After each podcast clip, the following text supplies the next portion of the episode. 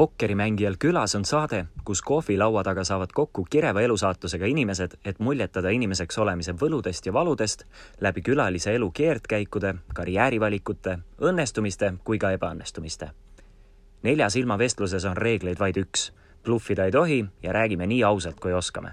saate toob teieni meelelahutusportaal Vinn.ee. tere tulemast pokkerimängijale külla piilutada siis hetkel minu äh, uhkesse, kuidas ma siis ütlen selle kohta, ateljeesse.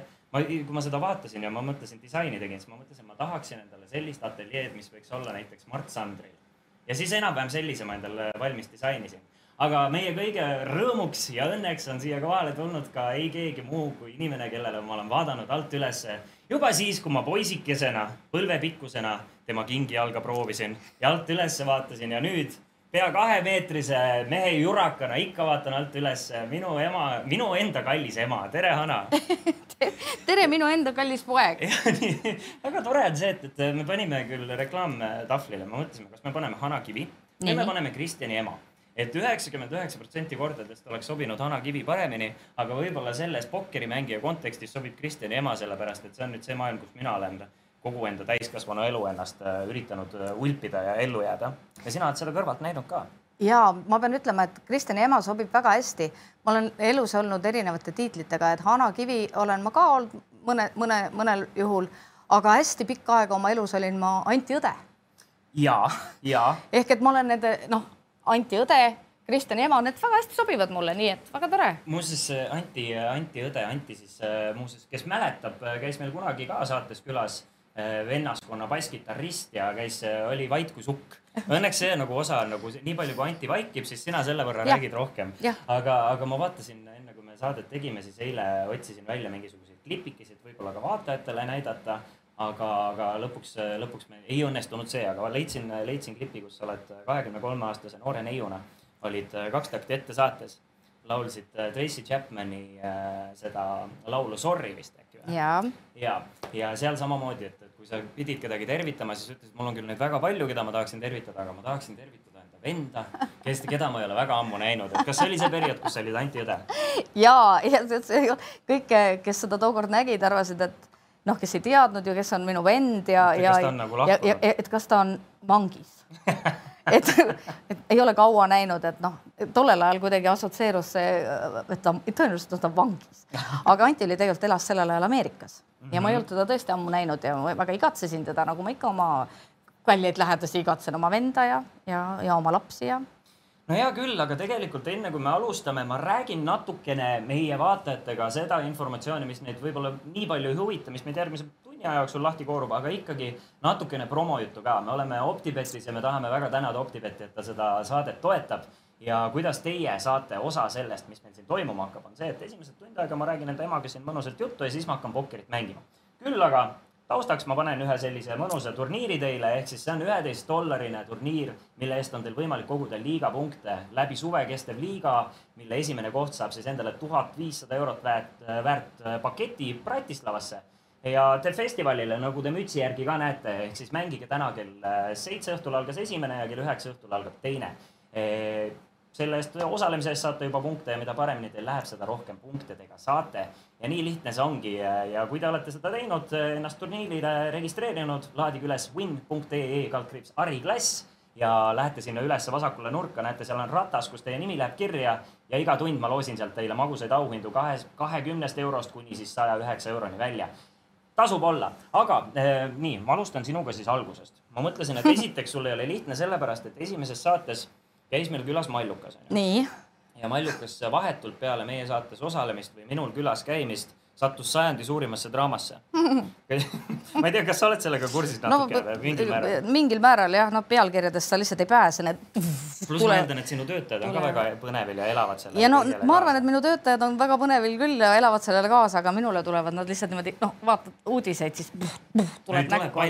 mina olen muuseas selles draamas no, muidugi väga elanud ja kaasa elanud sellele kõigele puhtalt sellepärast, et minu enda nagu hea sõbranna on ka sinna nagu, nagu iseennast kaasanud või, või kaasatud, seda ja. ma ei teagi aga ühesõnaga ma tahtsingi küsida, ega sul ei ole nüüd seda ohtu, et, et keegi sinu, sinu võib-olla sihuke salajane sihuke rivaal välja ilmub ja tahab sinu kohta musta pesu pesta või sina kellegi teise kohta, et, et kas seda ohtu ei ole, et sinust tuleb ka nagu sajandi draama nüüd? vot ma arvan, et ei ole, muidugi ma ei tea, ma ju ei tea, kes, kes nüüd tahaks, aga ma noh, oma omalt poolt võin öelda, et minul ei ole kellegiga, kellegagi mingit musta pesu pesta enda teadaolevalt nii et noh, näis, eks siis noh, põnevusega ootame me homset ja ülehomset, sest et noh, kui elu pakub väljakutseid, siis võtan need vastu kõik. Lahkelt. nii, aga ma tahtsin sinuga, alustamegi, teeme siis niimoodi, et üritame nui, äh, selle tunni aja jooksul nagu siukse kiire lühikokkuvõtte teha sinu sellest elust, et kus sa nagu alustasid, kuidas sa siia jõudsid. Ja võib-olla on seal keskel ja vahepeal mingisuguseid kihvte anekdoote, mille kohta ma saan nagu rohkemalt uurida.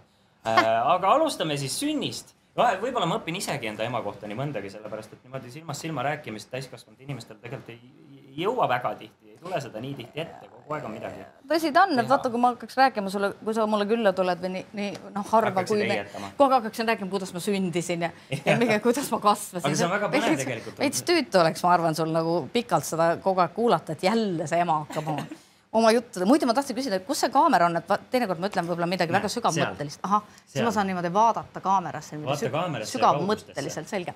ja noh, lihtsalt väga hea, hea teada. aga alustamegi, sa sündisid Tallinnas, eks ole? ja, ja, teadlaste perekonda.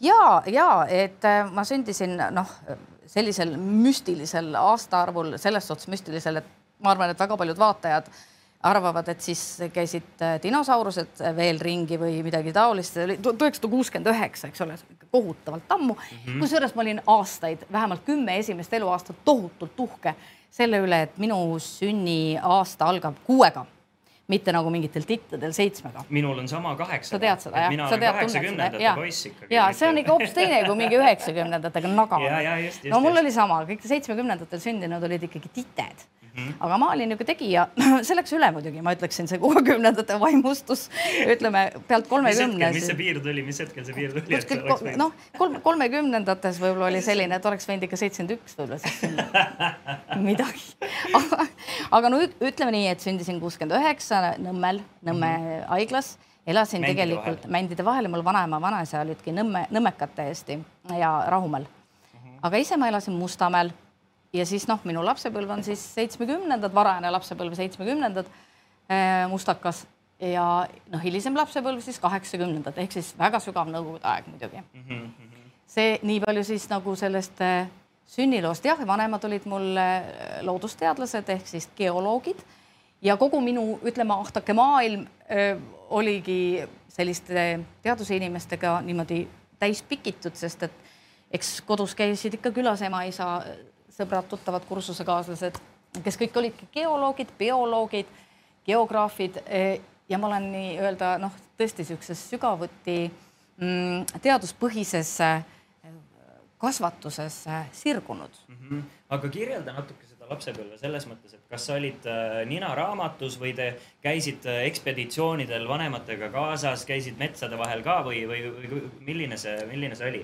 kas sa, kõigepealt ma küsin, kas sa pead enda lapsepõlve pigem õnnelikuks? muidugi mm, -hmm. väga õnnelikuks ja ma arvan, siinkohal ma äh, tsiteerin vist Eesti presidenti Kersti Kaljulaidi, et lapsepõlv, no hoolimata ajastust, hoolimata tegelikult, ma ei ole noh, sõjaaja laps olnud, kuigi ma arvan et ka sõjaaja lapsed peavad lapsepõlve ikkagi, ikkagi ilusaks e, aga ei julge väita, mina e, kindlasti pean oma lapsepõlve ääretult ilusaks ja, ja ääretult helgeks. aga noh, ja mitte ainult e, jah, jah, mitte ainult sellepärast, et lapsepõlv ongi väga ilus, vaid ma no, sattusin ka tõesti imelisse perekonda. nina raamatus eh, küsid mm, -hmm. oli küll, ma olen noh, lapsepõlvest peale olnud väga-väga-väga suur lugeja. Ja minu lapsepõlves muidugi ega eriti muud meelelahutust ju ei olnud. et ma ei kujuta ette, mida tegid need lapsed, kes olid väiksemad lugejad, sest et ega noh, televiisorit tegelikult kui sellist ja laste ekraani oli ikkagi noh, viisteist minutit päevas oli võib-olla mingi sajus multfilm. Mm -hmm. ja kui, kui sedagi.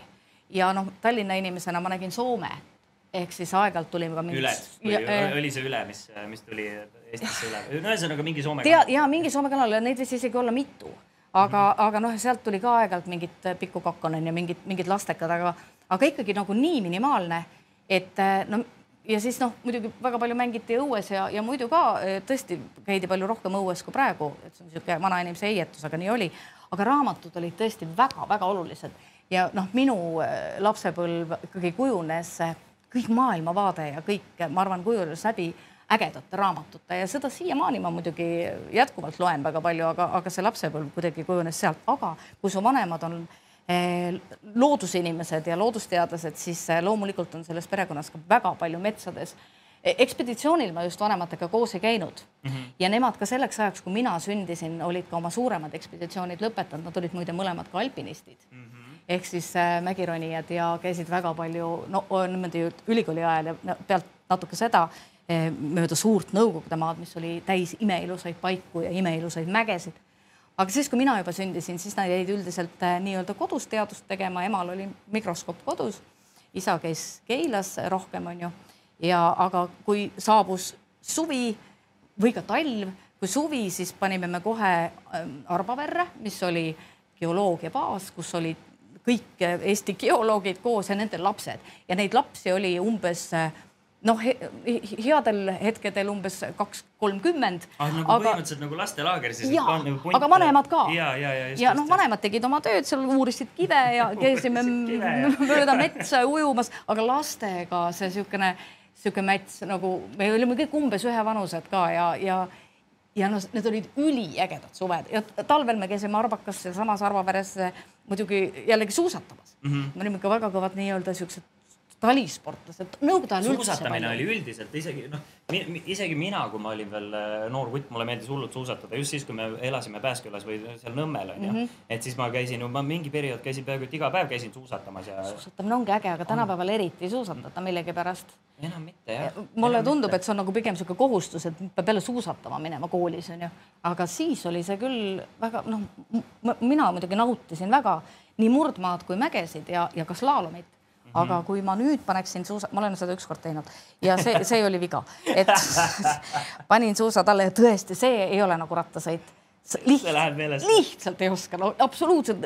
tasakaal kaob no, ära, enam ei jaksa. pisikesest mäest kukkusin alla, jäin mingitele suusatajatele ette, väga kohutav. ma korra segan, segan sind vahele sellepärast puhtalt, et äh, Roosa Blondu, meie vaataja, palus edasi öelda, et tere, Kristjan, ütle oma emale, et ta näeb väga hea välja. ema, sa näed väga hea välja, esiteks tõepoolest.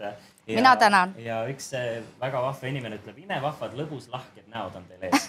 ja, ja, ja, ja lõbuslahked muidugi. aga et mitte liiga palju sinna kinni jääda, ma küsin, mis su hobid olid äh, lapsena, et, et millega sa tegelesid äh, peale selle, et sa mängisid ja raamatuid lugesid. raamatuid loed sa siiani tohutult palju, et mina on tavaliselt, kui ma näen sind vabal hetkel, siis sul on ikkagi raamat on ees kui sa just parasjagu ei pidutse viimasel ajal ma pidutsen muide väga vähe ja no, harva nagu. pidutsemise all rohkem seda, et sa oled Lottamäe kontserdil, see üks tädi seal niimoodi juhu ja, ja, ja tantsupidu. ja see on mul äh, praegu, see on praegu minu hobi, aga no lapsena peale raamatu lugemise, mis, mida saab muidugi tegelikult hobiks eh, pidada, oli noh, ilmselt ikkagi see, kui ma nüüd lähen nüüd natukene sinna aega, kui ma hakkasin juba kooli minema mm, -hmm. siis viieaastaselt pandi mind aga pandi.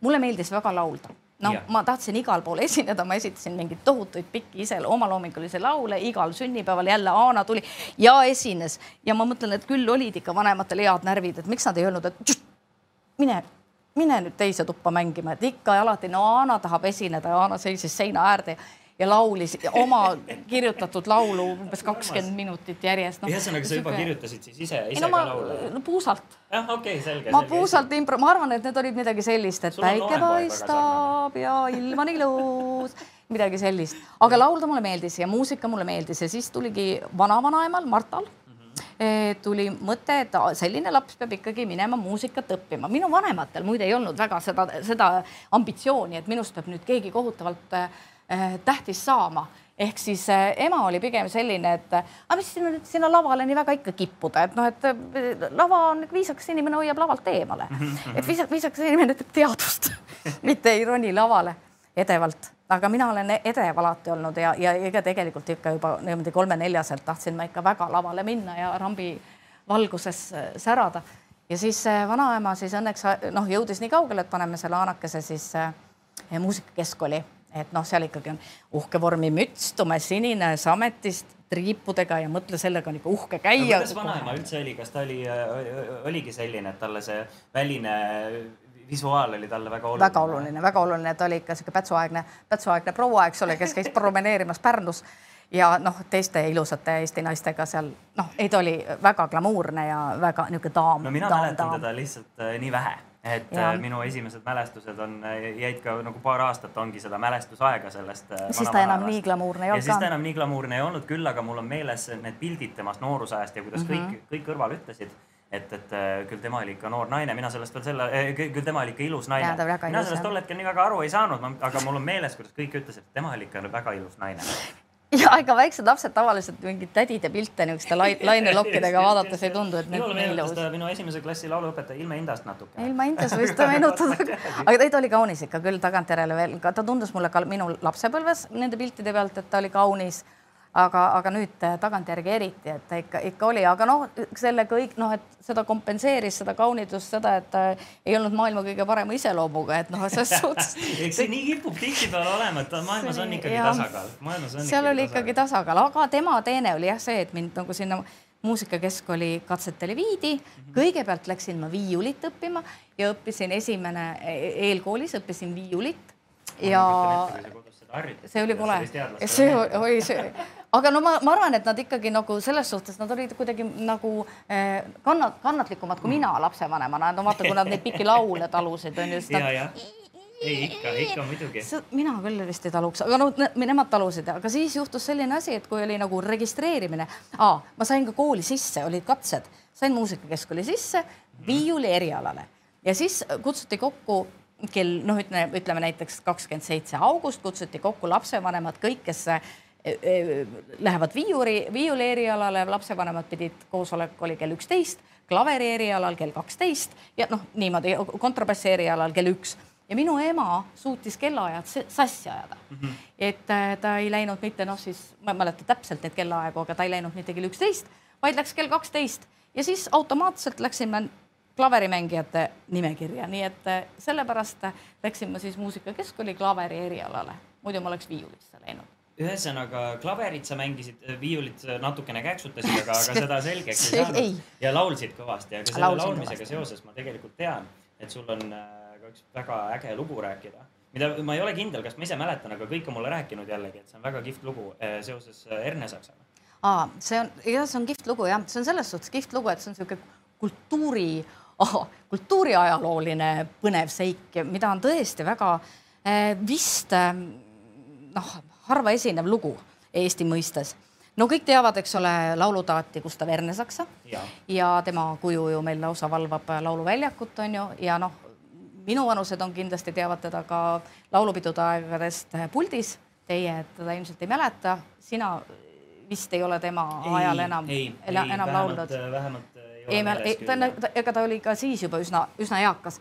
no ühesõnaga minu esimene laulupidu, see oli peale esimesest, esimest klassi.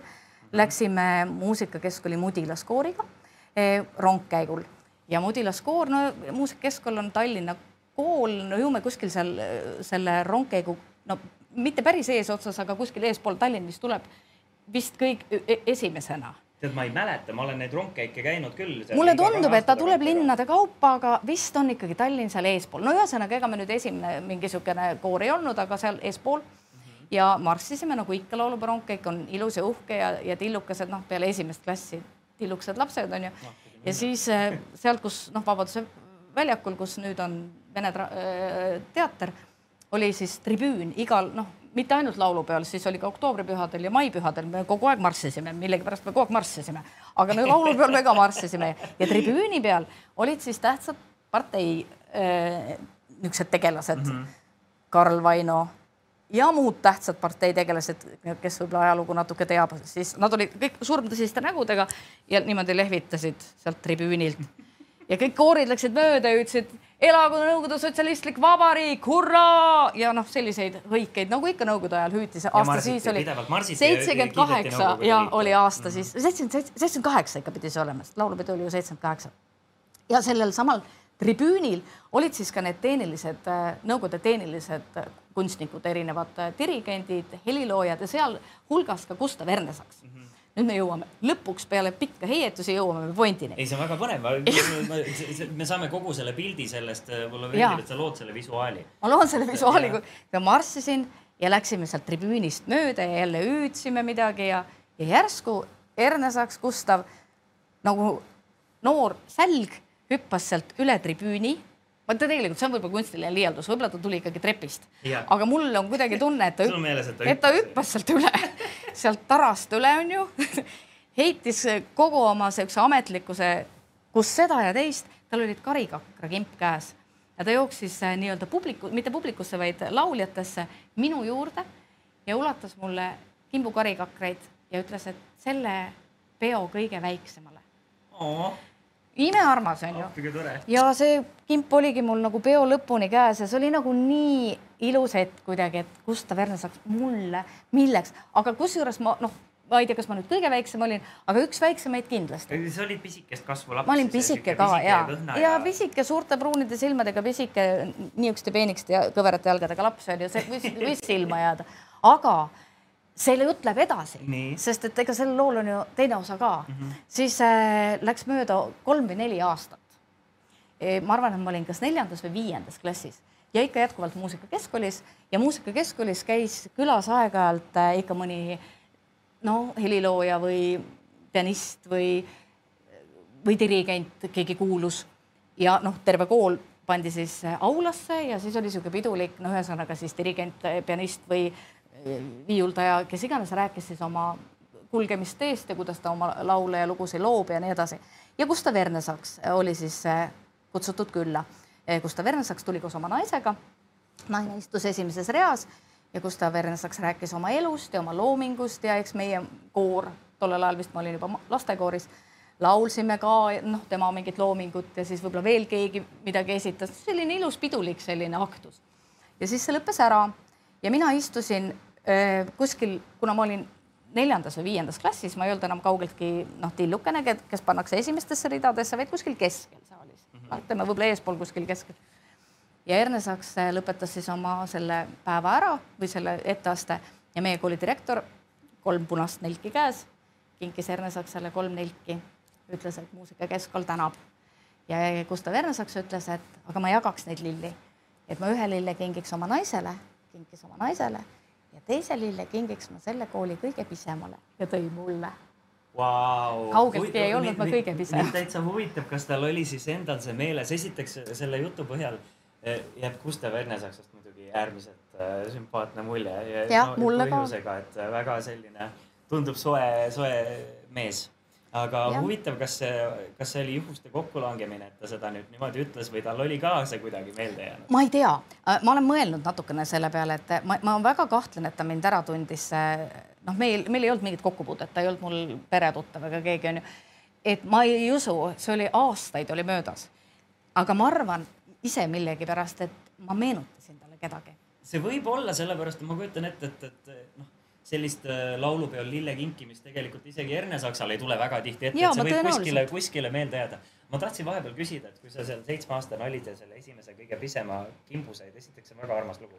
aga et, et äh, kas sa tol hetkel ise teadsid, kui väga, kes on Gustav Ernesaks või teised sulle pigem rääkisid ja kirjeldasid, et kui oluline see moment sinu jaoks oli, et kuidas sa, mis sa arvad, kuidas sa selle pildi enda jaoks nagu ta on tagantjärele nagu muutunud suureks -hmm. see, see lugu üldse tollel hetkel oli see väikese lapse äh, suur rõõm mm. -hmm. tuleb onu, hästi tuntud onu, kes noh, juhatab viimast laulupeo laulu Mu isamaa on minu arm -hmm.. noh, ta oli suur kuju muidugi. aga, aga ma arvan, et see oli väikese lapse suur rõõm. ma sain, noh, mul on elupäevad lilled meeldinud, kuigi ükski mu austaja ei ole sellest mitte kunagi nagu, mitte kunagi aru saanud, et mulle tegelikult väga lilled meeldivad, onju. siis no Ernesaks siiski. valikus siis sellisel hetkel olnud, et nad ei ma olen servast serva, ma olen servast serva valinud neid austajaid, aga nad. ükski neist ei ole siis väga suur botaanik olnud. igalühel olen öelnud, et ma armastan väga lilli. parim, mis ma olen saanud, on kaktus. Jeekim, oh jaa. ja nii on jah. aga see Lähmegi siis äh, hooga sealt. ja selle sellest... traagikast lähme üle nüüd. Lähme selle. mitte sellest traagikast, vaid sellest ilusast, äh, ilusast lapsepõlvest seitsekümmend kaheksa, sa olid siis seal seitsme-kaheksa aastane onju mm. -hmm. ja, ja siis äh, kaheksakümmend kaks oli siis äkki siis või millal see võis olla, neljas klass oli see, kui. jah, jah. ehk siis me jõuame sinu teismelise aega ja, ja oleme ka kaheksakümnendate sihuke keskel ja alguses äh, e E- Eesti, Eesti ajaloos, mis äh, punk hakkab võtma võimust, onju. Kuidas sinul see teismelise iga oli, kas ta läks sul kergelt või, Raske. või läks raskelt? räägi Väga- natuke, kirjelda seda teismelise iga, sest minu jaoks oli see, noh, ilmselgelt on see iga inimese jaoks väga sihuke keeruline aeg on ju, kus sa päris, päris täpselt ei tea, kuhu ja kuidas ja kellega. et äh, kuidas ta sul möödus? no mina, minu teismelise iga oli, oli, oli väga-väga klassikaliselt eh, kõik üks raskemaid variante. Omaaegsete seast. kui tänapäeva teismelised eh, noh, saavad kätte igasuguseid erinevaid koledaid asju, siis meil seda lihtsalt õnneks ei olnud nii palju võimalik, muidu ma oleks sinna kõik, kõik need ämbrid ära kolistanud, kõik, mis oleks olnud võimalik sa räägid nagu meelemürkidest? igasugustest asjadest ja ma olin väga raske teismeline ja, aga muidugi mul oli ka nagu kas see tuli nagu põhjus. protesti, prote-, okei okay,, vabandust, ma ei sega ta vahele., ta, ta ja no proteste on nagu teismelisel kuidagi nagu noh, see tekib, see tekib lihtsalt ka kõige parematel tekib mingi niisugune ei nagu vastandumine ja ma ei taha, see, see ühiskond on nõme ja mina veel sattusin, eks ole, Nõukogude aega mm -hmm. ja nii-öelda see kaheksakümnendad, kus hakkas see Nõukogude Liit lagunema mm. -hmm. Minu vend oli Eesti üks esimesi punkareid, on ju, ma muidugi tema tohutus tuules tahtsin ka õudselt äge punkar olla ja olin ka, aga keegi ei pannud tähele, et ma nii äge olen mm, -hmm. kui ma ise tahtsin olla, onju. et kordagi ei viidud mind miilitsasse, mis oli ju väga kahju, mul oli väga kahju sellest, et mind miilitsasse ei viidud. ma oleks tahtnud, ma oleks väga tahtnud minna, aga nad ei viinud, onju. aga see selleks, et ma, ma nagu protestisin igatpidi nii Vene võimu kui no absoluutselt kõige vastu, ühiskonna, kooli, no kõige. aga, aga noh, mul oli nagu ta natuke põhjendatud võib-olla sellega, et mul lisandus selle nii-öelda ajalise veidruse ja ealise veidruse juurde see, et ma kaotasin ema. ma olin üksteist, kui ema ära suri ja no see ühele tütarlapsele on ikkagi noh, nii valus löök või selline nagu nii ränk löök, et sealt nagu päris terve nahaga välja tulla äh, ma ei tea üldse, kas see on võimalik, aga mul noh, lihtsalt sattusid sinna kokku, eks ole, kõik asjad, et see teismeiga pluss aja, ajastu üldse ja lein, noh, niisugune ränk lein. ja siis ma muidugi kolistasin kõik ämbrid läbi, eks ole, jätsin oma koolid pooleli ja läksin kiiresti varakult mehele ja no ühesõnaga mürradi, mürradi pidu peo otsa ja läksin kogu maailmaga, noh, kogu niisuguse nii-öelda niisuguse määrava maailma ja ametliku maailmaga ikka pahuks, sest ega suusad väga risti. mis on ka väga selline klassikaline, minul on siiamaani probleeme sellega, et, et, et kui on nagu elus mingisugune hädaolukord, onju, siis äh, mina noh, kõige lihtsam viis sellega tegeleda on proovida see kuskile suunata, see kogu see mõte kustutada erinevate mm -hmm. pidudega mm, -hmm. noh, mingite tegevustega, et peaasi, et ei, ei, ei peaks enda selle emotsioonidega tegelema ja see selline nagu nende eh, noh, pidutsemiste ja, ja noorelt mehele minemised, kõik sellised asjad on ju tegelikult sihuke, sihuke viis, kuidas sellega mingil määral toimetada. toimetada ja no muidugi noh, ega ta ei ole ju õige viis ja selles ja, suhtes, absoluutselt, noh. aga teismelisena, kuidas sa tead seda? ei noh, ei teagi ja ei teagi, sul võib olla ükskõik kui palju häid nõuandjaid kõrval või isegi nagu hoolivaid mm -hmm. nõuandjaid, eks sa ikkagi ei kuula, et sa ikkagi kolistad neid samu asju ja, ja ja tegelikult oled veendunud, et sa teed noh, sellel hetkel absoluutselt õigesti ja noh, oled tagantjärele noh, hea, kui sellest nagu välja kasvab, et vaata see suunamine nii-öelda enesehävitus eh, poolele. no see on, see ongi jõhkralt ennast, ennast hävitav, on ju, ja, ja kõik mitte ei tule sellest välja, ehk siis paljud ju tegelikult äh, ei suudagi sealt välja rabeleda, et sa, sa, sa kuidagi no, ei oskagi ja ei oska ja, ja- ei ole jõudu ja võib-olla võib-olla vajud juba nii sügavale, et, et sealt välja tõmmata ongi keeruline, sellepärast äh, see on see Noh. koht, kus on äh, tugev turvavõrk on väga oluline ja just see koht, et, et äh, miks ei tasu enda lähedaste suhtes ka alla anda, ma arvan, et, et kui isegi kui nad mingil hetkel ei taha kuulata, siis äh, võib-olla ühel hetkel neil ei jää muud üle, kui, kui nad tegelikult vajavadki seda, seda sõna ja seda ja, kuulmist. ja aga tänapäev on sinu õnneks, noh, sa minu pojana oled ju omandanud ka mingid geenid ja nii, et ära imesta, poeg, kui sa ka aeg-ajalt, eks ole, tunned äh, neid samasuguseid asju, et nüüd läheks kõige sügavamasse ämbripõhja ja kolistaks seal ka natukene.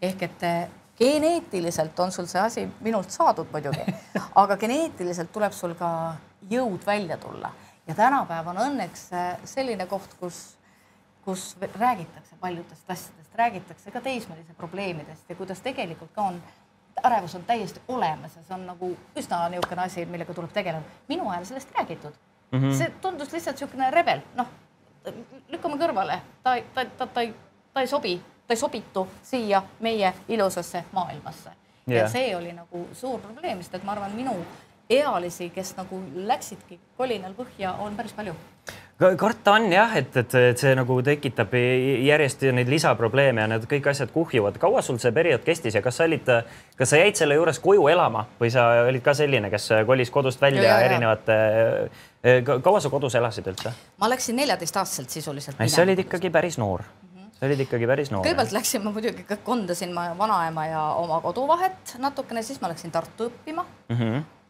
siis ma elasin Tartus siis olid niisugused erakad või niisugused noh, jah, olidki siuksed, keegi üüris korterit ja siis seal elas umbes kakskümmend inimest yeah.. noh, noh, võib-olla tänapäeval tehakse sedasama, aga siis olid nad muidugi odavad, need niisugused erakad. ikka tehakse oh,. täpselt ikka tehakse poegki elab siin siiamaani praegu kolme inimesega koos põhimõtteliselt no,. no nüüd juba kahega. Te ju üürite korterit, aga siis oli see et minu arust maksnud keegi mitte midagi, et noh, maksime õlles ma arvan, et kui Aha, nagu sellele omanikule, selle korteri omanikule, et kui oli stipipäev, siis tõime kasti õlut.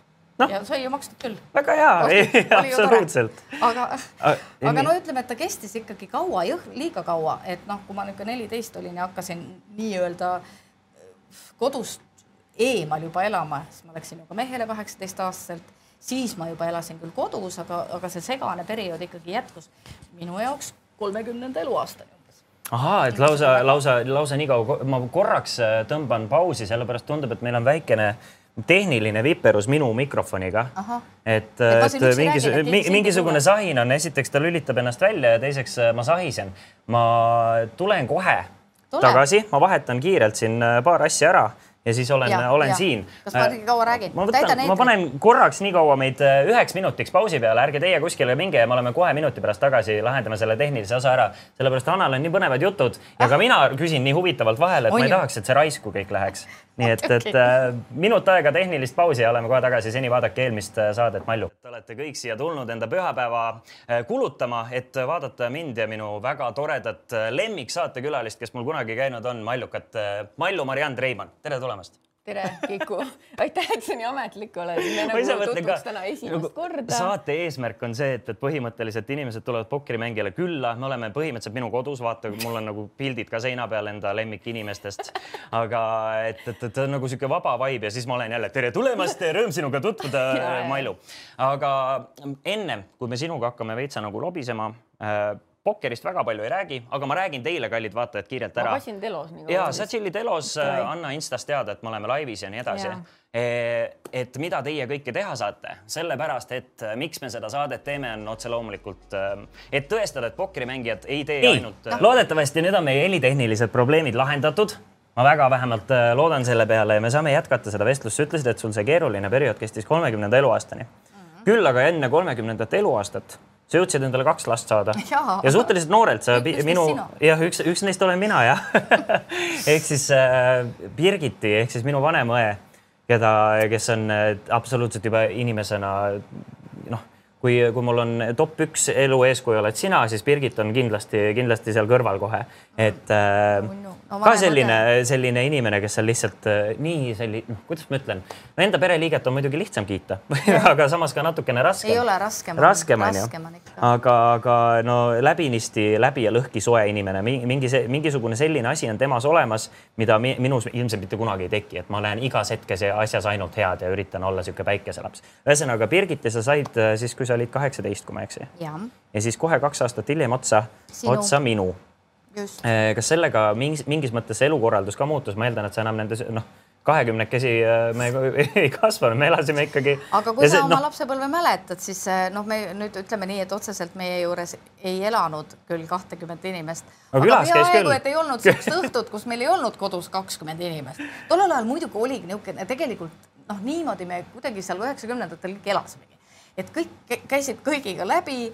no eriti nii noorena, noorena, siis ma kujutan ette, et see. ja, et kõikidel noh, aga ega see on nüüd jällegi see asi, et mitte et täna väga pikalt peatuda niisugustel, niisugustel võib-olla niisugustel natukene halvematel hetkedel tooks neid highlight'e rohkem, aga see oli nagu niisugune periood no,, muidugi, et ma arvan, et kaheksateistaastaselt ja kahekümne aastaselt endale kaks last saada on on imearmas ja sa võid neid lapsi meeletult armastada, aga sa ei, tõenäoliselt ma arvan, et minuga nõustuvad väga paljud äh, emad, et äh, nii noorena sa ei ole veel nagu küps ema.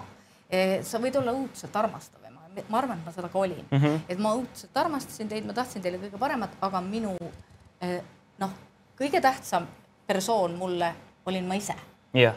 ja noh, isekas, noor inimene on isekas, et tema enda huvid, tema enda peod, tema enda elu on lihtsalt nii äge, et noh, lapsed on ka toredad, aga aa, ükski pidu ei jää pidamata, ükski asi ei jää tegemata.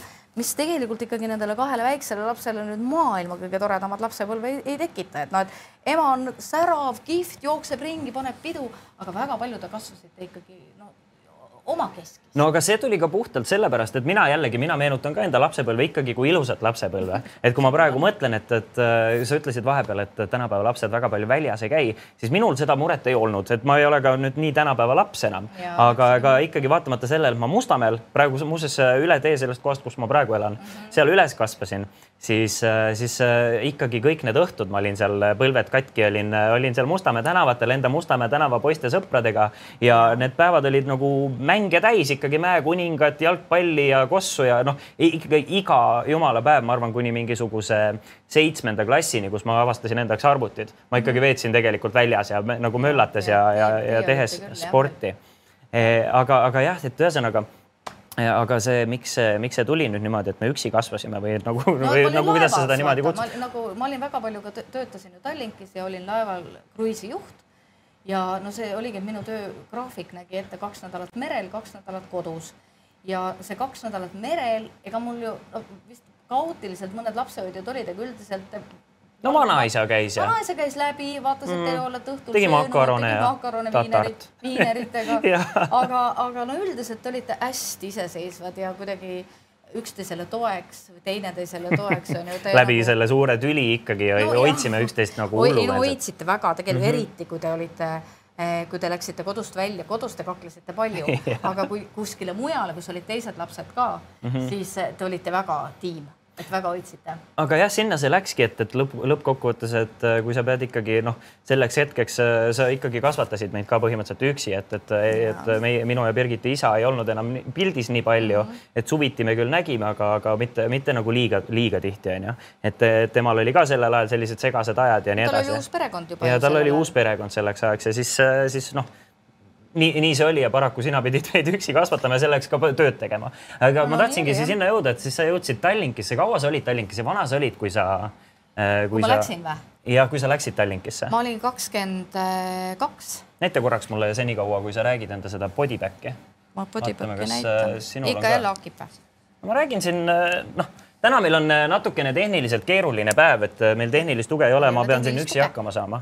aga proovime kuidagi ikka ära teha, loodetavasti see päris ära ei kao, et me oleme siin üksteisel kõrval ka ja saame üksteise mikrofoni rääkida. kuule, noh, nii, nii tarka juttu peab ju kuulma, noh, sõna-sõnalt on ju, et siis kui midagi hakib, kohe andke teada. aga kakskümmend kaks olin, kui läksin mm -hmm. Tallinkisse, mina läksin sinna konkursiga muide, ma olin, ma arvan, et ma olin üks, üks esimesi Tallinki töötajaid, üks esimesi, kes tuli läbi täiesti siukse korraldatud konkurssi, sest üldiselt oli laevandus tollel ajal selline koht, kus töötasid ikka klann, et seal väiksed laevad olid mm, -hmm. seal olid noh, välja valitud mingid inimesed, e, e, eliit, e, kes laevatöötajate eliit, kelle lapsed, tädid, onud, isad, kõik, see oli tõesti nagu klann. no aga ta oli ka natuke, oli vist üheksakümnendate algusaeg ja välismaine see, et see ja, päris sihuke glam koht, ma kujutan ette. absoluutselt, me saime palka ju alguses markades mm, -hmm. mingit avanssi.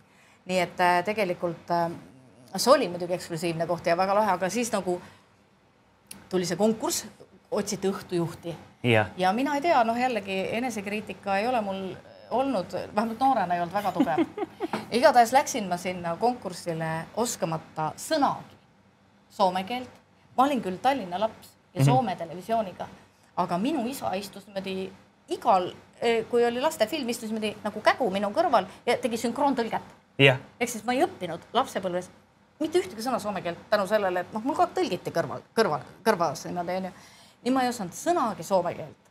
ma, e, nagu sa tead, ei ole ka inglise keele rääkija, aga väga julgen. aga sa laulad sellest väga hästi inglise no, keeles, juba sellel ajal laulsid sellega, väga hästi inglise sellega keeles. ma ära petsingi, ma läksin sinna konkursile, nad eeldasid, eks ole, noh, ühesõnaga oli ju palu-, tahetud, et tuleks esinduslik inimene, mida ma ei olnud eh, soliidne, mida ma ka ei olnud, eh, keeli valdav, mida ma ka ei olnud, aga kohale ma läksin ja seal ukse taga oli hulk tuntuid nägusid, kes kõik tahtsid tulla Lotte sinna, tahtsid Lottemaa. kas sul on mõni sihuke tuntud? Ada Lundver näiteks. Ada Lundverd oli, oli ka seal ukse, ukse taga ja noh, ja veel mingeid siukseid pool siukseid tuttavaid, noh, tollelaegseid siukseid tegijaid oli seal, kõik tahtsid tulla õhtujuhiks mm. -hmm. ja siis läksin mina selle, selle komisjoni ette ja siis nad hakkasid küsima minu käest küsimusi, mida ma teha oskan, mille peale ma iga asja peale ütlesin, et ei, seda ma ei oska ja, ja kahjuks seda ma ka ei oska ning sedagi ma ei oska ja seda ma ka ei oska ja lõpuks küsis see komisjoni esimees üsna, üsna niimoodi löödult, et kas on midagi, mida te oskate ka. kas noh, mõni asi on, mis te võiksite öelda, et oskate ka. ja siis ma tundsin, et see on minu viimane võimalus, sest et ma olin juba maha kriipsutatud kõikide nende komisjoni liikmete poolt, et sellega ei ole midagi teha. ja siis ma ütlesin, ma oskan laulda. ja seal siis Hanno Tolonen, kes oli tollel ajal superintendant, oli ka komisjonis, ütles, et kuule, paneme ta lavale, las ta laulab meile siis midagi, näitab, ühte asja oskab, noh, las ta läheb siis sinna lavale. siis ma tundsin, et mul on, nüüd on, nüüd on minu võimalus ja kas nüüd või mitte, mitte midagi, mitte kunagi. Läksin lavale, istusin sündi taha ja laulsin ühe Tracy Chapmani laulu. minu arust mitte seda Sorry't, vaid mingi muu laulu. muuseas, ma korraks äh, peatan sind äh, täpselt umbes selles vanuses, millest Hanna praegu räägib käis ta siis äh, kaks takti ette saates ka, mul on, kuigi ma praegu ei saa heliga näidata teile, siis kõik, kes tahavad vaadata, arhiivist leiab ülesse näe, vaadake, selline ta välja nägi, seal rääkis juttu ilmselt sama, oi, kurivaim oota. ja siis ilmselt sama võluvana ta sinna läks ütles, et näete, mina oskan laulda ja palun viige mind laulma.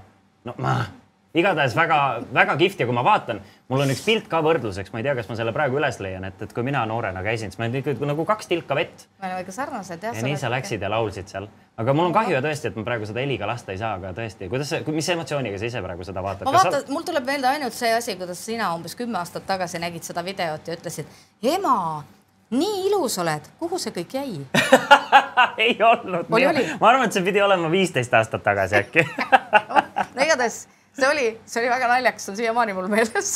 nii, ühesõnaga sa läksid, äh, lähme korra tagasi, siis sinna läksid ja laulsid. laulsin. ja anti sulle see võimalus. ja siis jäi see komisjon vait, ma lõpetasin laulu ära ja siis ütles keegi neist, et näe, me oleks pidanud ta kohe lavale panema.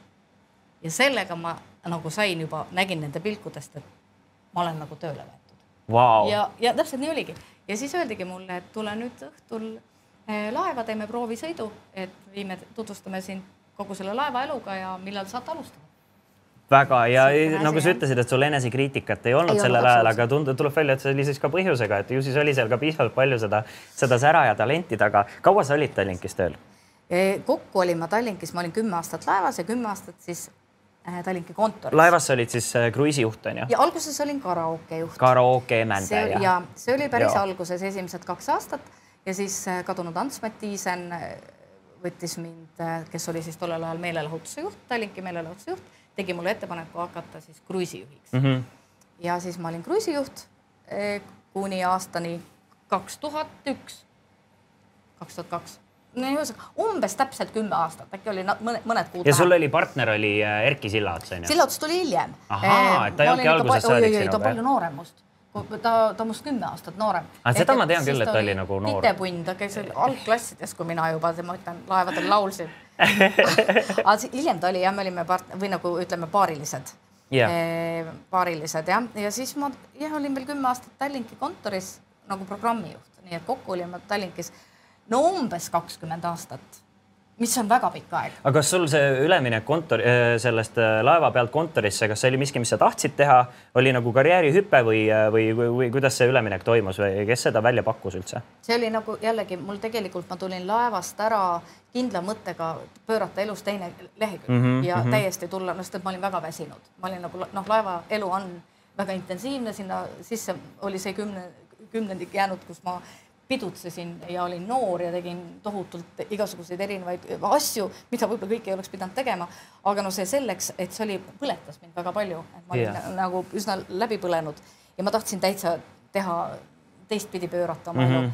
ning äh, ma läksin siis äh, Hageri kultuurimaja juhataja. ja oota, enne kui me sinna jõuame, ma tahtsin äh, kõigepealt, siin on vaatajal küsimusi, ma tahan selle ära esitada, enne mm -hmm. kui me jõuame.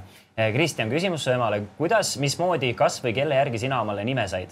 Mulle taheti alguses nimeks panna Kaisa, aga kuna elasime maal, siis pandi nimeks Kaili, sest kui väga, äh, kui vaja minu peale karjuda või hõigata, siis see kõlas palju paremini ja valjemalt. no vaata, vaata, mis hea põhjus, Kaili. vaata on küll, S-täht ei, ja, ja S-täht ei, ei kaja nii hästi, olen nõus. aga no sinu nimega on tõesti lugu muidugi, sest et sinu isa tahtis sulle nimeks panna, nagu sa tead, Sulo millele ma olin kategooriliselt vastu. jumal tänatud, jumal tänatud, et meil oli üks kaine mõistus ka nagu sellel ajal. ei riku, aga ma arvan, et sulle ei oleks Sulo sobinud. mul oli juba algusest peale selline tunne. aga minule meeldisid äh, need Skandinaavia nimed, ma tahtsin sulle panna Sören mm, -hmm. siis ma tahtsin sulle panna, ma ei mäleta, mis seal veel olid. ah, Christopher mm, -hmm. ütlesin, ma pakkusin välja ja siis sinu isa ütles, et no mis Christopher, et no ma ei tea, et abiellunud siis rootslasega, kui sa tahad või ma ei tea, norrakaga, kui sa tahad siukseid nimesid panna. et kui siis, kui üldse, siis paneme Kristjan. ja siis oli kirik keset küla. selge, ühesõnaga kompromisside, kompromisside näol. väga ilus nimi ja ma leian, et äh, see oli õige nimi sulle, et see sobis. jah, ja, ja, ja nüüd me jõuame sinna, et sa läksid Ageri kultuurimaja. jaa äh,, Kulta Direks ja kus, kus see pööre tuli või oli... kes see sulle seda pakkus või kuidas see nii vaata, oli? vaata, aga see oligi täpselt see, et, et see laev oli nagu niisugune kogu aeg viled ja tuled ja kabaree varietee. ma tundsin, et ma tahan midagi täiesti teist, et ma tahan maasool olla mm. -hmm. ma tahan hakata kaalikat kasvatama, naerist minna maale kultuuri. midagi hoopis teistsugust no, ja, ja, ja. aga no ma ei oska kaalikat ja naerist kasvatada, siis ma võtaks kultuuri maale, et maakultuuri, rahvatantsu ja ja siis ma läksingi, kuna mul oli ka sõbranna oli ja on siiamaani Kohilas eh, selline väga mm, tegijat mm, -hmm. Liis, nagu sa võib-olla ka mäletad kes ta on Kohilast pärit, on elupäevad seal Kohilas igasuguseid asju juhtinud ja teinud ja ja tollel ajal tema nagu. Kohila kultuurihing. jah, jah ja. ja tema nagu soovitas, et äh, vallavanemale, et kuna Hageri kultuurimaja vajas inimest, et tal on üks selline äh, sõbranna, kes nagu otsib väljundit ja kes saaks ilmselt selle asjaga hakkama küll mm. -hmm. ja siis ma olingi äh, aasta aega Hageri kultuurimaja juhataja. aga nii nagu on äh, selle kultuuritööga ja eriti, kui sa oled ise Tallinna inimene ja sa pead käima igapäevaselt maal tööl autoga, siis sa pead kõvasti peale maksma selleks, et maal kultuurida just täpselt, see missioonitunnetus ühel hetkel ei tasu ära. ühel hetkel lihtsalt no, sa jääd nälga selle peale. no, no ega ei taha nüüd päris nii öelda, aga lihtsalt kuidagi ei tulnud üks ots otsaga kokku mm. -hmm, ja siis mm -hmm. tuligi nagu see, et midagi peab nüüd tegema ja, ja kodune oli Tallink ja siis oli juba Erki Sillaots, kes ütles, et Tallinkis äh, on programmijuhti, kuna praegune programmijuht, kes seal oli, läks dekreeti, et vajatakse uut, et tule räägi eh, selle nii-öelda meelelahutusjuhiga mm. -hmm. ja mhm. siis ma jällegi omamata igasugust kriitikameelt eh, tundmata absoluutselt muide arvutit, mida ma pidin nagu tööpõhiselt. Eh, see oli töövahend ikkagi, peamine töövahend on ju. absoluutselt ei mm -hmm aga noh, see selleks, siis ma läksin, ütlesin, et ma jälle kõike oskan väga hästi. õige, mina olen ka alati sellega peale läinud, et äh, fake it till you make it on ja. selline inglisekeelne ütlus ja tihtipeale see mõjub ka, et, et see, kui sul on enesekindlust, siis küll sa varem või hiljem sellega hakkama saad, isegi kui sa kohe ei oska. et Läbi minu arust see on, see on väga oluline omadus. Äh, Tallinkis äh, laeva peal olles ma tean, et sul on üks äge story ka sellega seoses, kuidas sa enda lemmikbändiga kokku said. et kui highlight. sa, kui sa viitsid selle highlight'i ka ära rääkida, kuidas, mis, mis bänd see on? See on noh, minu niisugune nooruspõlve ja siiamaani väga-väga eh, armastatud eh, bänd, see on UB40 mm -hmm. regemuusika ja ma olen tõesti seda UB40 väga armastanud, ma ei ole grupi tüüpi, eks ole, et vaata, et ma ei ole sihuke. see käib bändidel järgi. ja, ja, ja, ja, ja ma ei ole ka nagu sihuke, et mul on nagu nii palju plaate, kuigi UB40 plaate mul siiski ikkagi on, aga, aga ma ei, ei ole jah, võib-olla selline klassikaline, et noh, nüüd kuulan kogu aeg klapid peas, aga ma naudin seda muusikat ja ma olen alati nautinud UB40 ja, ja kui ta siis Eestisse tuli, Saku Suurhalli tookord juba, eh, Saku Suurhall oli juba valmis, tuli UB40 siis sinna kontserdile, ma tahtsin minna, sest ma ütlen veel kord, ma ei ole niisugune suur kontsertidel ka käija eriti. ja UB40 tuli ja sinna kontserdile ma läksin ja see oli üliäge kontsert ja see oli tõesti sihuke vau, sihuke kontsert. öö läbi tulin paljajalu Saku Suurhallist koju sihukeses feeling us ja sihukeses noh, afekti seisundis, sest see oli nii äge kontsert ja minu niisugused lemmikud, kümneid aastaid lemmikud olnud. ja järgmine päev pidin ma minema Soome eh, koosolekule, töö, noh, kuna ma töötasin Tallinkis, mul olid Soomes aeg-ajalt koosolekud. ma olin selleks ajaks soome keele selgeks õppinud muide. ja kui kiirelt see, kaua sul läks selle selgeks õppimisega? ma ei julgenud rääkida tükk aega, aga äh, umbes pool aastat okei okay,, väga kiiresti no, tegelikult hakkas külge. kogu aeg olin mm -hmm. selle sees, vaata, see, sul ei jää muud üle, sa ja. õpid selle selgeks, onju. Aga siis ma läksin siis hommikul kõige varasema selle nii-öelda tiiburiga too, too aeg, see läks vist äkki kuus nelikümmend, midagi sellist läks välja.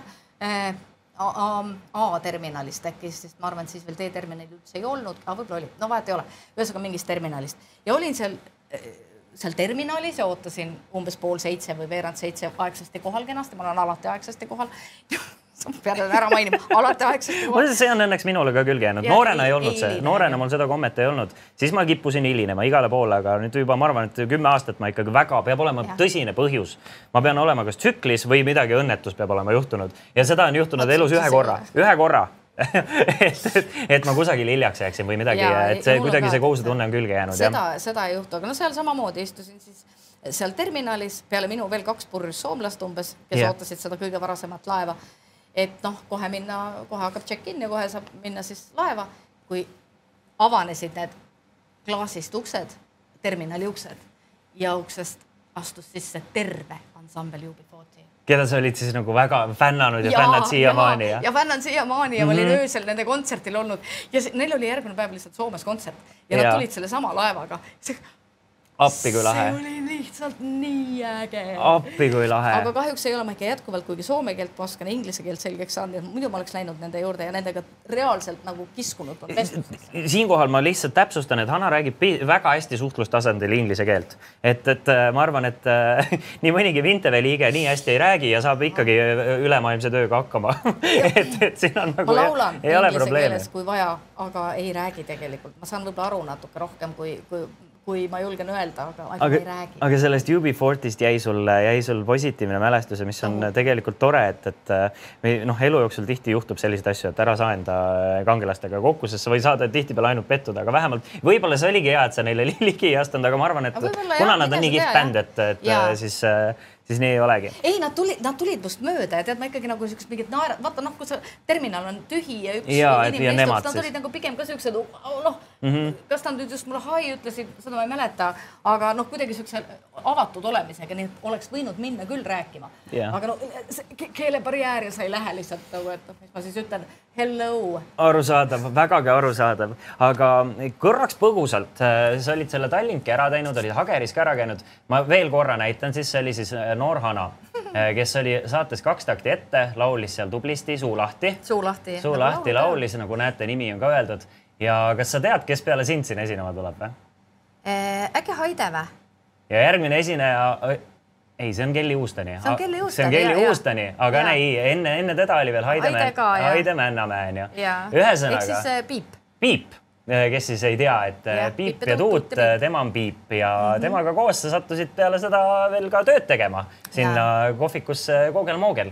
kuidas see, kuidas ja. see nüüd sinna läks see tuli, see tuli nüüd jälle see, et äh, ma lõin Lottemaaga käed tegelikult juba kaks tuhat üksteist. Mhm.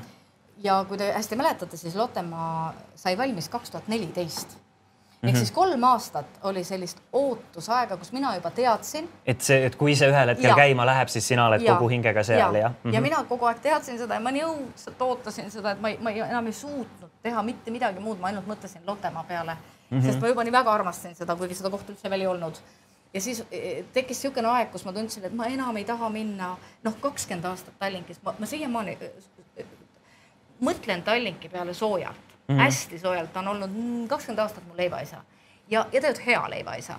Ja ma kohutavalt sooja tundega mõtlen ta peale, aga minu aeg sai seal lihtsalt läbi ja ma enam ei jõudnud ja ma ei jaksanud ja mul ei olnud enam midagi anda ja ma ei saanud nagu enam midagi tagasi. sellist tööd tehes on, on see päris oluline, et sa saad ja. ise tagasi, et sa pead ise ka tundma, et see on, et see sisemine tagasi. põlemine on Just. ja seda, seda, seda enam, see leek kustub ära, kui see, sa enam ja. ise ka tagasi ei saa no, aru saada. kuidagi ma oma mõtetes olin juba selle hoopis teise asja peal ja siis tekkis niisugune vaheaasta, kus ei olnud veel Lottemaa valmis. ja ma enam ei jõudnud Tallinkis olla mm. -hmm. ja siis äh, helistas mulle Toomas Tross ehk siis äh, Tuut mm, -hmm. keda ma tundsin ka läbi Tallinki ja Tallinki aegade e, küsis, et kas mina tunnen kedagi toredat inimest, et mul on palju noori tuttavaid läbi laeva ja nii edasi, et, et nende majal oleks vaja nii-öelda kohviku juhatajat või nagu maja, mängumaja juhatajat. Yeah.. niisugust noh, perenaist, ütleme, juhataja on võib-olla nagu liiga akadeemiline või niisugune ametlik nimi on ju, aga juha-, perenaine.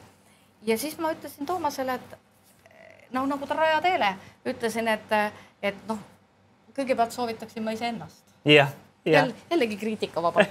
ja Toomas oli natuke ehmunud, sest selle peale ta ei tulnud, et ma nagu ütlen, et ma nüüd soovitaksin iseennast kõikse pealt onju. ja aga siis ütles ta ka samas tore pakkumine yeah.. et temal oleks ainult hea meel, kui ma tuleksin nende majja. ma ütlesin ka kohe, et ma olen seal aasta, sest et Lottemaa avab uksed kaks tuhat neliteist, et siis ma lähen ära. et noh, mina mängisin lahtiste kaartidega ja nemad võtsid mind nendel tingimustel oma maja perenaiseks. Yeah.. nii et seal tuli siis niisugune aastakene Piip ja Tuut maja, mängumaja perenaise ametit, mis oli imearmas aeg, kus tuli minuga kaasa minu üks parimaid sõbrannasi ehk siis seal ma sain tuttavaks oma praeguse väga hea sõbranna Piiaga mm, -hmm. kellega ma siiamaani olen väga lähedane, et mul on väga hea meel, et äh, see mängumaja tuli minu ellu. ta tegi mind äh, sammukese lähemale Lottemaale. seal kuidagi see õhkkond oli sarnane ja see olustik, nii et see oli ka üks imeilus aeg muidugi ma, ma, nüüd võtan korraks, võtan kokku, kuhu me jõudnud oleme ja siis ma jõuan minu arust kõige põnevama ajani, mis ongi see Lottemaa aeg. aga sinna ette, enne, enne seda jääb üks, üks, üks väga oluline sündmus sinu ja minu ja meie kõigi jaoks. ehk siis äh, me rääkisime läbi sinu väga helge helged äh, esimesed kuni kümne eluaastani, siis äh, sellised protestihõngulised äh, kümme kuni kakskümmend, siis segased kakskümmend kuni kolmkümmend ja. ja siis selgelt kolmkümmend kuni nelikümmend oli niisugune muutuste aeg sinu elus, kus sa, kus sa tundsid, et, et, et et see viis või see, et sa tahad midagi teistsugust tegema hakata. Ja sinna sisse jäi siis ka ju tegelikult sinu kolmanda lapse sünd ehk siis äh, minu väike vend äh, Rudolf Harald, kes on äh, kõige paremini välja meist kukkunud ilmselt. Nagu vähemalt selles mõttes mõõdukalt. päris aus olla. aga ma tean, et Rudolfi sünd mingil määral muutis ka sinu mingisugust maailmavaadet. Ja sul on sellega nagu kindel moment ka, et kas sa oleksid nõus sellest ka rääkima? ja see on väga põnev, see on selles suhtes põnev hetk üleüldse võib-olla inimese kujunemisloos, aga noh, minu kindlasti, et kui me enne rääkisime, et äh, mul olid vanemad teadlased ja minu see, ma pean Näed. selle, vabandust, selle pean nüüd. Pole sellest hullu midagi. ütleme, et. Äh, me lähme niikuinii natukene, meil on siin jutt veel pooleli, ega me ei kiirusta siin kusagile, ära üldse muretse. ma väga loodan, et äh, ma panen selle lennurežiimi. pane jah ma lendan, ma lendan praegu nii, praegu lähen lendama, sest et nüüd tuleb niisugune lugu ka, et, et see on niisugune lendamise lugu. no ühesõnaga, kui sa oled sündinud teadlaste perre, siis sa paratamatult äh, saad kaasa sellise nii-öelda mm, pragmaatilise maailmavaate mm, -hmm. et äh, üldiselt on asjad seletatavad teadusega, valemitega, äh, käega katsutavad on asjad ja kõik need, mis ei ole seletatavad teadusega, teaduspõhiselt on ikka natukene umbluu, noh, vähemalt eh, noh, no võib-olla ma nagu noorena isegi võimendasin seda, eh, seda arvamust iseendas, et, et selline uhuu-teadus oli minu jaoks niisugune noh, noh, tekitas minu jaoks niisugust muiet ja. nagu niisugust kergelt üleolevat suhtumist no,. kergelt ja, ja. ma saan aru küll skeptitsismi kah,. kahjuks kahjuks küll, sellepärast et ega noh, ei ole ju ilus millegi, millegi üle nagu arrogantne olla. no ei, ei aga... absoluutselt mitte, aga see tuleb ka selgeks õppida ja, läbi ja, kogemuste. õpime seda läbi kogemuste onju mm. -hmm. aga noh, ütleme nii, et kui ma ikkagi nagu kippusin nagu sellel teemal ikka ka sõna võtma, et äh, puudel on loomulikult äh, hing, eks ole, aga kas nendega peab pikki intelligentseid vestlusi arendama ja pidama onju, et see on iseasi onju. kividel samamoodi ma eeldan, et ei ole eriti ka hinge mm, -hmm. rääkimata kõigest muust, aga toredad ja ilusad on nad ikka, eks ole, ja täis nagu mineraale aga siis äh, juhtuski selline asi, et äh, jäin seda sinu pisikest venda ehk Rudolfit ootama. Äh, ja kui Rudolf sündima hakkas, kõigepealt juba natuke müstiline selle asja juures on see, et, et Rudolf, ma olin kaheksandat kuud Rudolfi ootel ja Rudolf oli kenasti noh, arsti juures käidud, et juba kenasti nagu õiget pidi, noh, lapsed lähevad enne sündi tagurpidi, et nad tuleksid mm -hmm. ilusti välja. ta oli ilusti ennast ära nagu paigutanud, aga eh, läksin äh, kaheksandat kuud rasedana külla praegusele oma kõige lähe, lähemale sõbrannale Piretile, keda ma tollel päeval ei tundnud. meie laste isad olid pinginaabrid mm. -hmm. ja tänu sellele ma sattusin külla eh, Piretile, kes eh, ootas ka titat. aga tema oli minust vist äkki kolm nädalat kauem beebiootel ehk siis tema oli niisugune kohe sünnitamas? kohe sünnitamas mm. -hmm. ja esimesel päeval, kui ma temaga külla läksin ja teda nägin, tema oli väga viisakas, sõi minu pakutud või toodud maasikaid natuke ja siis ütles mingil hetkel krimpsas näoga, et ma nüüd enam ei saa rohkem viisakas olla, sest et ma tegelikult juba sünnitegevus käib kaks tundi, ma pean nüüd haiglasse appikene, issand. siis läks kiireks, siis mina, mina mõtlesin hull mutt, hull mutt, see tuleb nüüd kohe kohale viia, siis mulle, ma olin autoga, viisin Pireti sünnitama mm -hmm. ja Piret siis sünnitas äh, oma Paulikese äh, keisrilõikega, kuna Paul oli ennast risti kõhtu keeranud, et ta ei saanud nagu välja muidu, kui pidi lõikama yeah nii, aga seda kõike ma teadsin, ma läksin koju, mõtlesin selle peale, et, et jumal tänatud, et ma seal autoga olin, et me saime Pireti haiglasse ja näe, Paul on sündinud ja puha ja, ja tundsin, et midagi minu äh, kõhus toimub. ja sellel samal õhtul keeras Rudolf, ei, ei olnud samal õhtul, käisime Katsikul äh, kaks nädalat hiljem, käisime Pauli vaatamas, vastsündinud Pauli ja siis tulin koju, mõtlesin selle peale, kuidas ta siis niimoodi sündis ja vaata, milline tore väike nunnu tita on ju. ja siis samal õhtul, kui me tulime Katsikult toimus minu, minu sees midagi imelikust, Rudolf keeras ennast. Nagu oleks Paulilt saanud mingi väikse sõnumi yeah., et kuule, lahedam on nagu keisriga sündida yeah.. veits šefime, tee ära nagu on nagu story ka taga. võta nagu story ka taga yeah.. no igatahes keeras ta ennast viltu ja mulle määratigi keisrilõige mm. -hmm. ja noh, niimoodi plaaniline, et äh, pandigi kuupäev, et sellel kuupäeval tulete haiglasse, saate lapse kätte. niisugune sünnitus, no nii on paljudel nii, ja läksin ma haiglasse. oli hommikul äh, operatsiooni aeg, mind tehti siis tuimaks alates kaelast kuni varvasteni ja võeti laps keisrilõikega siis äh, välja ja öeldi, et ilus, terve, tugev poiss karjus nagu ratta peal nagu kärbesjaak. nagu siiani. väga kõva yeah. häälega just nimelt, et terve, tubli ja noh, keisrid, noh, lastel pannakse alati neid sünnihindeid et ta sai nagu keisrilapse kohta praktiliselt maksimumpunktid, ta oli nagu heas toonuses, hea tervisega, noh, kõik oli nagu vinks-vonks. Aga keisrilapsed nagu viiakse suhteliselt kohe lastetuppa, sest ema on vaja kinni lappida, ema intensiivi mm -hmm. viia, et noh, seal nagu enamalt jaolt laps ja ema kohe kokku ei saa. et ma ei tea, võib-olla kus, kusagil saab, aga keskhaiglas igatahes viidi ta, näidati niimoodi, et noh, näete, teie on. pojakene on, me viime ta nüüd noh, temaga tegelema, kaaluma, mõõtma ja nii edasi, onju ja emme tuleb siin kokku klappida ja intensiivi viia ja umbes viieteist minuti pärast toome teile lapse mm -hmm. või kahekümne minuti pärast. Mind viidi siis intensiivi ja siis siitmaalt halvatud jäin ma ootama oma last, et kus ta siis on. möödus kümme minutit, möödus pool tundi, möödus tund aega, mitte ühtegi arsti, mitte ühtegi õde.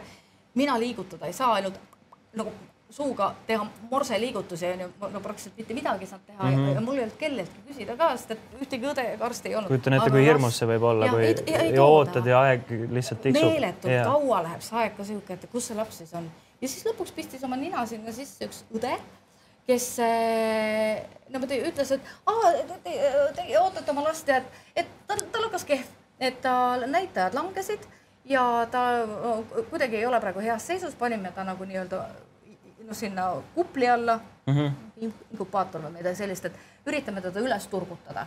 et siis saate, et ei tea, millal kaua sellega läheb, et praegu ei ole asjad, ei ole kiita mm. -hmm. aga kujuta ette, kui sa oled siitmaalt halvatud, on ju, ja sa saad siukse sõnumi. see paanika on meeletu, sa ei saa, sa ei saa minna ka, sa ei saa oma lapsele appi ka minna, sa ei saa mitte midagi teha, täiesti abitu lihtsalt. täiesti abitu. ja siis õnneks sattus sealt ka läbi jalutama lastearst, kes nägi mind ja ütles õele, et me peame seda ema ka elustama hakkama, et äh, toome lapse korra emale, et ta mm -hmm. näeb oma lapse ära et noh, näete, et see, see on siin läks näost, eks ole, helekollaseks, äh, hallikas valgeks, et see hakkab kohe surema mm. -hmm. et toome lapse korra siia ja siis viime kiiresti tagasi. et äh, las saavad korra kokku ja siis ta toodi sealt selle katuse all niimoodi, et oli tõesti oli halvas seisus, ta oli nagu näha, ta oli niisugune värvitu ja sihuke oigas ja toodi minu kõrvale. ma korra segan sind, äkki saad enda mikrofoni natuke, et ta vähem vastu hakkaks. siis, nii, siis me kuulame seda edasi, vabandust, ma jällegi väga ja. emotsionaalsel hetkel segasin ja siis, kui see Rudolf toodi siis nagu minu juurde, tõsteti mulle kõrvale, Rudolf võttis mu sõrmest kinni ja siis näidud tõusid niimoodi. värv muutus pruuniks, kollasest või hallikas valgest. inimese nägu hakkas hingama, lõpetas oigamise ja kõik, kõik näidud tõusid. ehk siis noh, minu jaoks oli see nagu selline tunne, et, et kus see võimalik on, et see ei ole, see ei ole tegelikult nagu teaduslikult seletatav, et mis siis juhtus. ja noh, minu jaoks tähendas see seda või tähendab siiamaani, et, et igatsusest võib surra. nii väike inimene võib igatsusest ema järele surra mm. -hmm. reaalselt, kui teda ei oleks toodud, kui see arst ei oleks seda otsust teinud, siis ma ei tea, siis võib-olla ta olekski lakanud elamast, sest et tal võeti ema ära ja ta ei, lihtsalt enam polnud mõtet või ma, ma, ma ei tea, aga see pani mind, see muutis mind hästi palju, see pani kuidagi mind mõtlema, et on asju, mida me ei oska seletada. On asju, mida võib-olla ei saagi veel, võib-olla me ei ole nii kaugel oma arengus, et me suudaks seda seletada, aga mis on ometi olemas. ja, ja neid ei saa alahinnata, et need tundmused ja tundmised ja, ja energia kuidagi ja mingid asjad, mida me püüame kinni kuskilt, need on olemas. ja isegi, kui neil ei ole teaduslikku seletust. et noh, peale seda ma ei, ma ei ole skeptiline, ma olen pigem nagu üritan olla igati mõistev eh, inimeste suhtes, kellel on omad arvamused, et, et võtamegi käest kinni ja teeme selle energiaringi ja, ja kui neil hakkab sellest hea, siis. ja ilmselt neil hakkab sellest hea. siis on see õige ja siis on seal ka mingi seletus, mida me veel võib-olla seletada ei oska. absoluutselt, ehk siis see, see oli nagu selline viimane kõige, kõige see suurem selline äh, kuidas ma siis ütlen, sinu kui isiksuse suur muutus, et, et, et see muutis sind nagu aktsepteerivamaks ka ennast ja. ka teiste suhtes ja, ja., ja maailma suhtes üleüldiselt.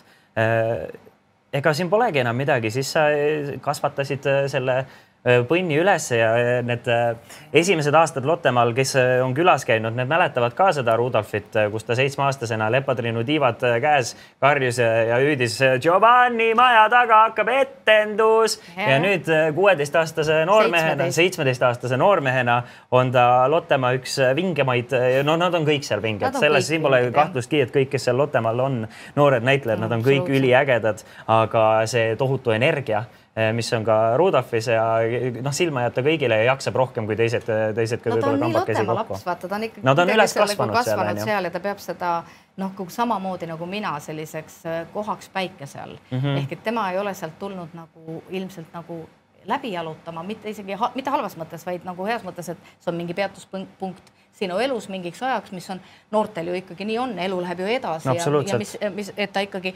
mõnel on see peatuspunkt ka kümme aastat aga ikkagi sa nagu mõtled, et noh, su elu kunagi läheb edasi, sest ma arvan, et Rudolfi jaoks jääb Lottemaa, isegi kui ta seal ei tööta kunagi eh, kohaks päikese all, mis on nagu, nagu tema paik.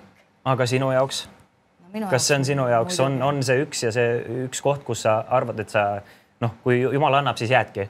et, et see on sinu see ma, elutöö? ma arvan, et see on mu elutöö, ma arvan, et elutöö on jõle suur sõna, aga ma arvan, et eh, ma olen see õnnelik inimene, kellel on tõesti äh, õnnestunud leida kohal e, e, elus, selles elus selline paigake, kus, kus sa oled nagu, nagu paradiisis või nagu mingis nirvaanas, et sa oled nagu teed tööd ja sa nii õudselt armastad seda kohta, et sa nii kõike selles, absoluutselt kõike selles armastad nii palju, et lõhki tahad minna, et see on nii suur armastus selle Lottemaa vastu ja ma arvan, et see on, kas just surmani, see on nagu nalja, ma arvan, et ma olen seotud sellega nii kaua, kui mind on ja, ja, ja ma, mis ma nagu mõtlen, miks ma ütlen, julgesin kasutada su, seda suurt sõna elutöö on, et, et no olgem ausad, et noh, nii palju inimesi, kui see puudutab ja ma ei mõtle ainult külastajaid, vaid siinkohal ma mõtlen rohkem neid inimesi, kes on, on, on seal töötanud.